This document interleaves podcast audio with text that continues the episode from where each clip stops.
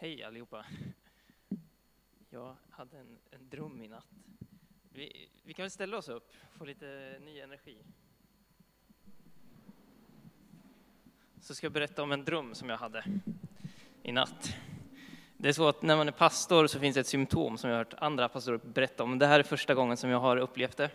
Och det är innan eller efter att man har predikat så eh, drömmer man då om att predika. Och det är alltid något som går fel. Eh, jag har hört om folk som eh, gått upp och så har de inga kläder på sig. Min dröm var att, eh, jag, jag vet inte vad jag gjorde, men jag, jag predikade på något sätt interaktivt med er.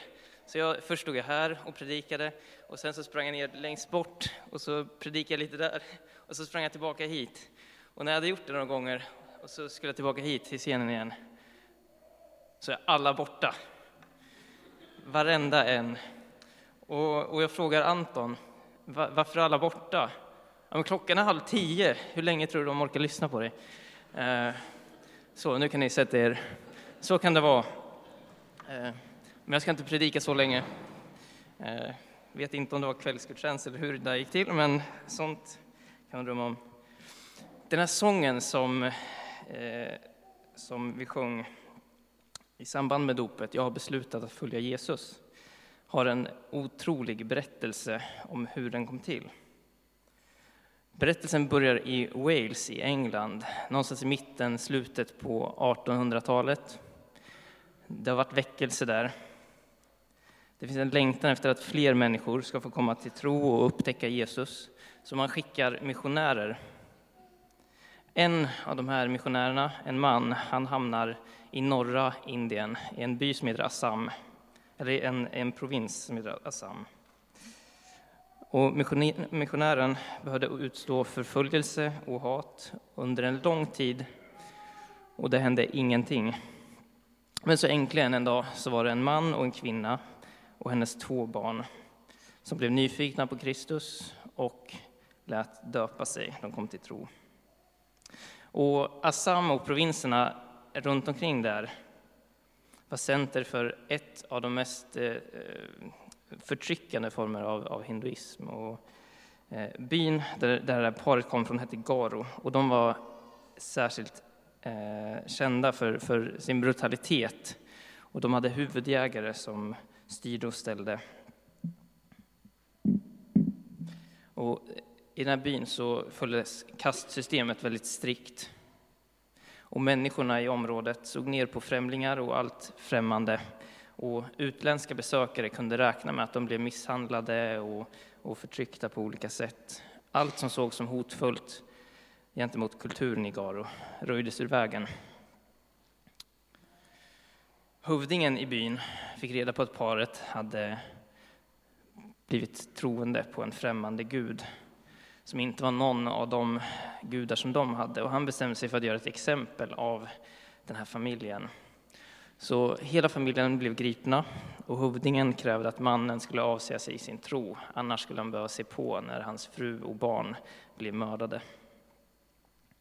När mannen vägrade det så gjorde sig två bågskyttar sig redo, avrättade båda barnen nu kommer hövdingen igen och frågar mannen, avsäger du dig din tro på Jesus? Det räcker med att du bara säger att den guden är inte din gud, så låter vi dig leva och din fru. Men mannen vägrade det, och nu avrättar de även hans fru. Och nu begär hövdingen för tredje gången att mannen skulle förneka sin tro på Jesus. Mannen stod kvar vid sin tro, och nu blev också han själv mördad. Nästa gång som den här missionären som fick vara med om att de här, det här paret hade blivit omvänt, när han kommer till byn nästa gång så möter han några som har bevittnat den här händelsen. De berättar för honom vad som har hänt och de berättar att mannen hade blivit beordrad att avsäga sin tro och annars skulle hans barn bli mördade. Då hade mannen svarat så här. Jag har beslutat att följa Jesus och det finns ingen återvändo. De här vittnena berättar sen vidare att när barnen hade blivit mördade och de frågar igen, kan du avse dig din tro? Så svarar han, jag lämnar världen bakom mig och följer korsets väg. Och efter att han bevittnade när sin fru blev genomborrad av pilar så säger han Fast ingen är här att gå med mig, så vill jag följa Jesus. Och de som hade bevittnat det här såg övertygelsen som familjen hade och förstod att det var på riktigt. De var verkligen övertygade om att tron var sann. De hade ju aldrig tvivlat och de hade inte varit på väg att, att avsäga sig sin tro. När missionären hade fått höra om allt det här hemska som hade hänt så fick han också veta en till sak av vittnena. Och det är att de personer som hade sett det här hända, inklusive de här som berättade för honom, så hade det blivit en väckelse i stan. Hövdingen var själv så förbryllad över att en hel familj var beredda att stå kvar vid sin tro och dö istället för att avsäga den och få leva, att också han fick ge sitt liv till Jesus. Och likaså de som hade skjutit pilarna hade omvänt sig. Och plötsligt så var byn full av kristna människor.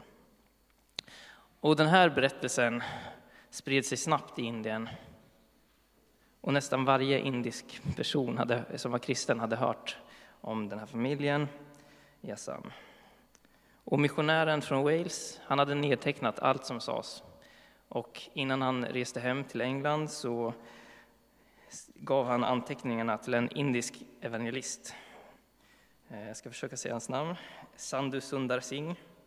Eh, och eh, Singh tog den här mannens sista ord och gjorde den första indiska lovsången.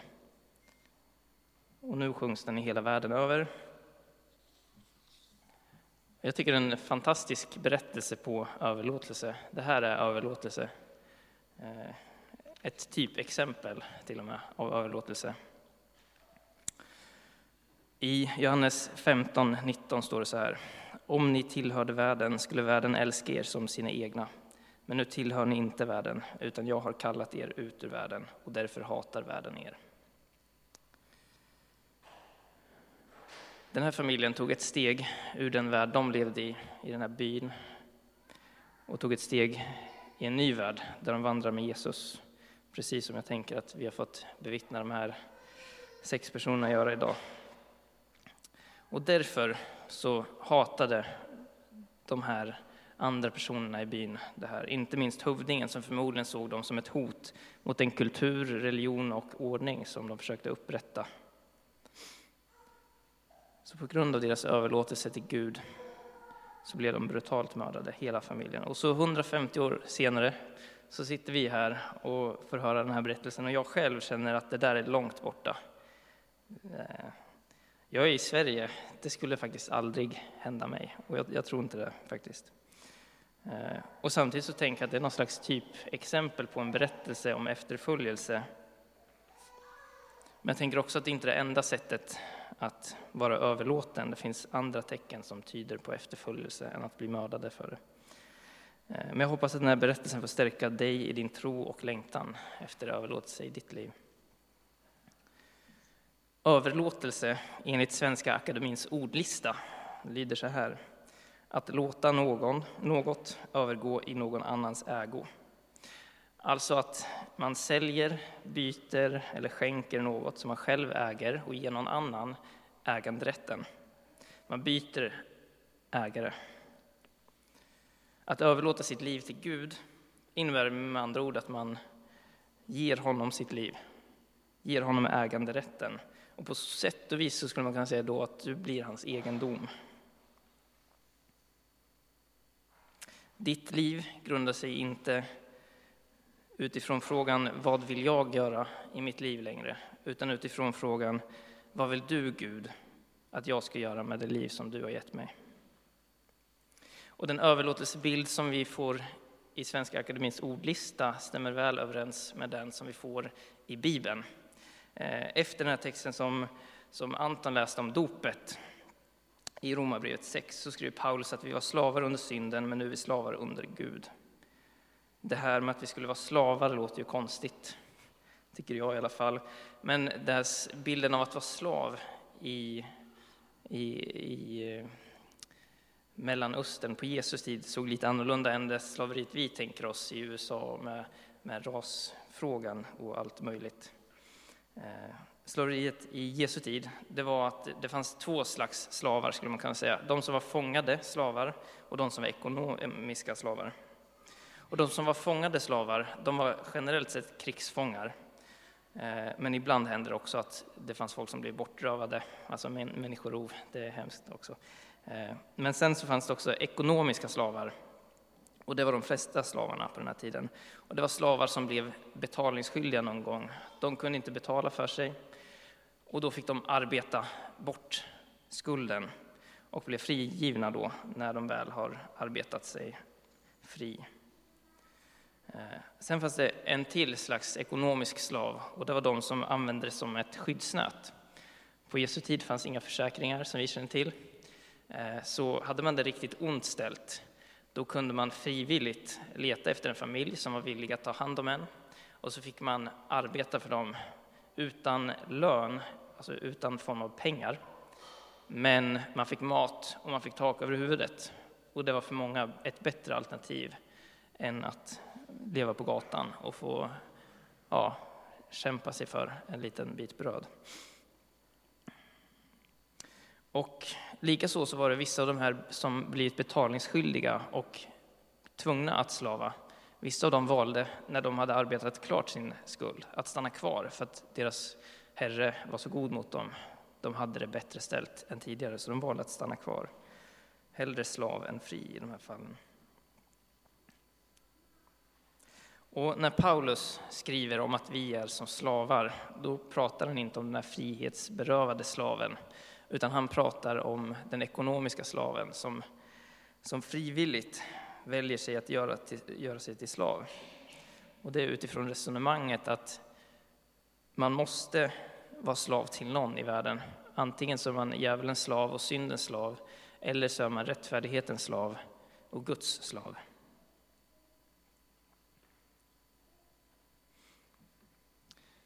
Grundprincipen är som i Bob Dylans sång You're gonna have to serve somebody. Du måste tjäna någon.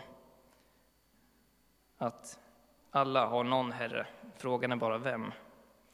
Frågan är inte om man ska tjäna någon, utan vem man ska tjäna. Överlåtelse handlar om att välja en herre och stå fast vid den. Om det som står i Bibeln är sant, att Gud är världens skapare och han är god, då är det han som jag vill tjäna. Och jag tror att Bibeln är sann. Och då känner jag också, jag vill inte bara tjäna honom, utan jag vill överlåta hela mitt liv till honom. Jag vill ge det som en ägodel till honom.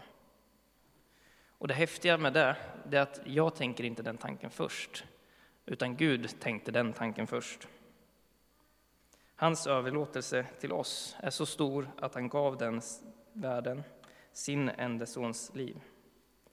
Så här står det i Filipperbrevet 2, 6-11. Han ägde Guds gestalt, men vakade inte över sin jämlikhet med Gud, utan avstod från allt och antog en tjänares gestalt då han blev som en av oss. När han till det yttre hade blivit människa gjorde han sig ödmjuk och var lydig ända till döden, döden på ett kors. Jesus ägde Guds gestalt och avstod från allt för att för vår skull ta en tjänares gestalt. Det är överlåtelse på en helt ny nivå.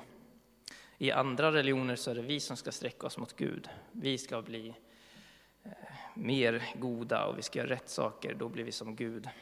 Då kan han möta oss. Men vår Gud har redan sträckt sig mot oss. Jesus blev som en slav för vår skull. Så vår överlåtelse till Gud, det är vårt svar på hans överlåtelse till oss. Och det ska grunda sig i hjärtat. Att leva ett överlåtet liv kan ta sig uttryck på många olika sätt för olika människor. Ingen människa är lik den andra. Och det tänker jag är en bra sak. Det som jag brinner för, det brinner nog inte du för, och det är bra.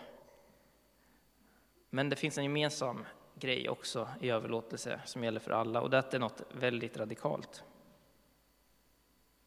Gud vill inte att vi ska vara ljumna i vår överlåtelse till honom, utan han vill att vi ska ha en stark glöd för det vi brinner för när vi är överlåtna. för hans rikes skull. Och att hålla glöden levande, tänker jag, är inte en jättelätt sak. Och därför så kan vi läsa i Bibeln att Gud har hjälpt oss. Anden stöder oss i vår svaghet. Vi vet ju inte hur vår bön egentligen bör vara, men Anden vädjar för oss med rop utan ord.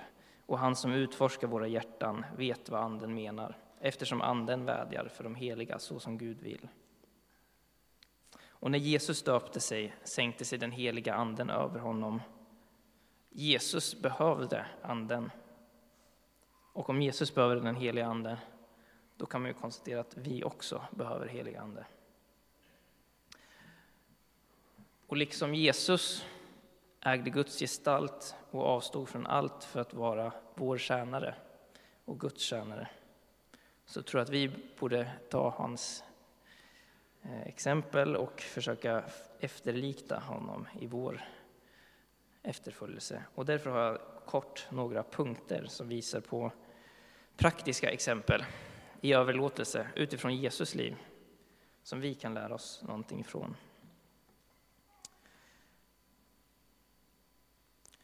För det första så är det ju att Jesus sökte Andens ledning. Anden är grunden till Jesu liv och det är grunden till hans kall och de handlingar som han utför. Jesus var överlåten i den personliga relationen med Gud. Han bad regelbundet, han kunde skrifterna. Till och med så bra att när han var 12 år bara så satt han i templet och samtalade med de kunniga där, lärarna, och de häpnade över hans förstånd och det han kunde. Jesus missionerade.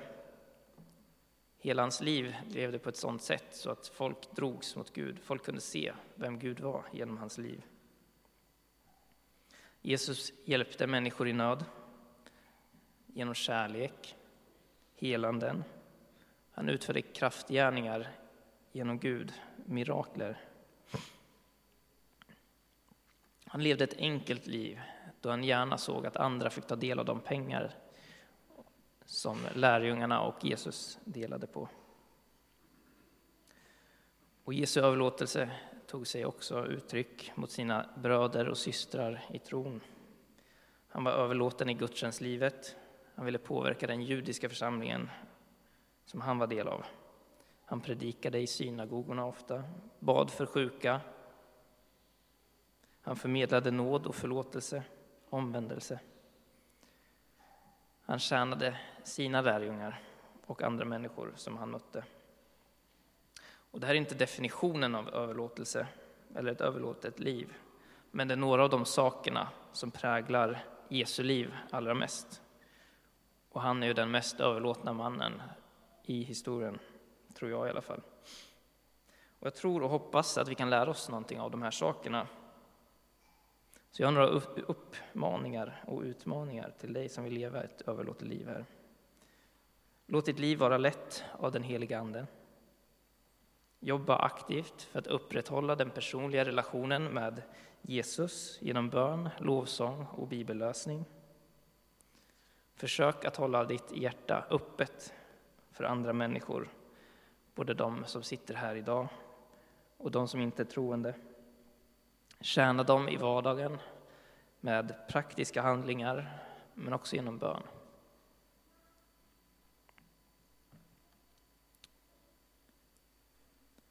Berättelsen om den här indiska familjen som kom till tro visar på kraften som finns i sann överlåtelse. Sann överlåtelse är ett vittnesbörd som i sig kan skapa väckelse i en hel by. Och berättelsen är ett exempel på hur sann överlåtelse kan ta sig uttryck. Överlåtelse till Gud grundar sig i beslutet att följa Jesus, både i medgång och i motgång. Och när det känns svårt och du känner att du går ensam på vägen, då finns det egentligen ingen annan väg som jag själv i alla fall skulle vilja vandra och som jag tror att du skulle vilja vandra. För vart skulle man gå?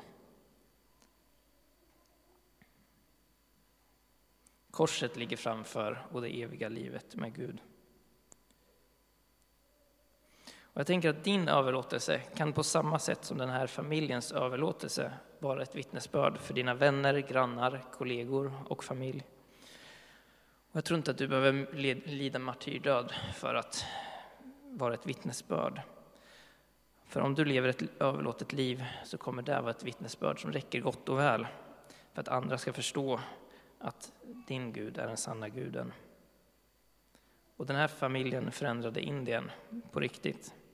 Och än idag berättar man om den överlåtelsen. Och fler människor kommer än idag till tro. Och vi berättat om den idag. Och samma sak kan det bli med din berättelse om ditt liv. Och som tur är så lever vi i en annan kontext. Vi har inga huvuddiagrar. Vi har yttrandefrihet och religionsfrihet. Och därför slipper vi oftast de här riktigt hemska konfrontationerna. Och det tänker jag är något positivt. Men trots det så är vi ofta handlingsförlamade. Vi är rädda för konflikt. Men jag tror att om vi fokuserade mindre på vår rädsla för konflikter och fokuserade mer på att göra Guds vilja så skulle vi kunna möta många nya människor och se liv förvandlas och våra liv skulle förvandlas också. Och de där jobbiga konfrontationerna skulle vara färre än vi trodde, tror jag. Och i den heliga Andens ledning så tror jag också att de jobbiga konfrontationerna är inte lika jobbiga. Och eftersom vi lever i en gudsfrånvänd värld så behöver vi dagligen överlåta oss till Gud och aktivt välja att följa honom. Och de dagar som det känns extra svårt eller jobbigt så kan man tänka tillbaka på den dag man döpte sig och valde att leva ett överlåtet liv. Är du rädd för konflikter eller känner att du inte är så frimodig som du skulle vilja vara? Känner du att du har blivit ljummen eller kanske aldrig haft någon riktig glöd? I så fall vill jag säga att låt idag bli en dag då du för första gången eller för hundrade gången överlåter ditt liv till Jesus, lägger det i Guds händer igen och säger till Gud, vad vill du Gud att jag ska göra med det liv som du har gett mig? Vi ber. Tack Gud för att det finns så många berättelser om människor som har överlåtit sitt liv till dig och får vara vittnesbörd för andra människor, Gud. Tack för att du var den som tog första steget och överlåt, överlät din son till oss. Överlät hela ditt liv till oss och lät, lät rädda oss på så sätt. Och att vi får ta ett gensvar, ta ett steg i gensvar, Gud. Jag ber för att vi ska vara öppna för din vilja, öppna för att svara på, på det stora verk som du har gjort och våga överlåta oss helt och hållet, Gud. Tack för att vi får fira gudstjänst tillsammans. Och tack för de som fått döpa sig idag, för att vi får vara en del av det beslut som de har tagit. Och att vi får glädjas tillsammans med dem. Amen. Jag har några frågor också som eh, man kan ta kort på. Sist jag predikade fick jag sms, mejl och samtal. Vad hade du för frågor? Så ta ett kort på dem. Ni får ringa mig, smsa och mejla mig, men risken är att ni får svar för sent. Så här är frågorna. Känner du dig ljummen, kall eller varm i din överlåtelse? Vad gör du för att inte fastna i ljumheten? Vad innebär det för dig att leva ett överlåtet liv? Finns det något du kan göra för att bli ännu mer överlåten? Hur gör du för att få Andens ledning i din vardag? Och vad tror du att Gud vill att du ska göra i ditt liv? Det är frågorna. Ta med dem till hemgruppen eller fikaborden. Amen.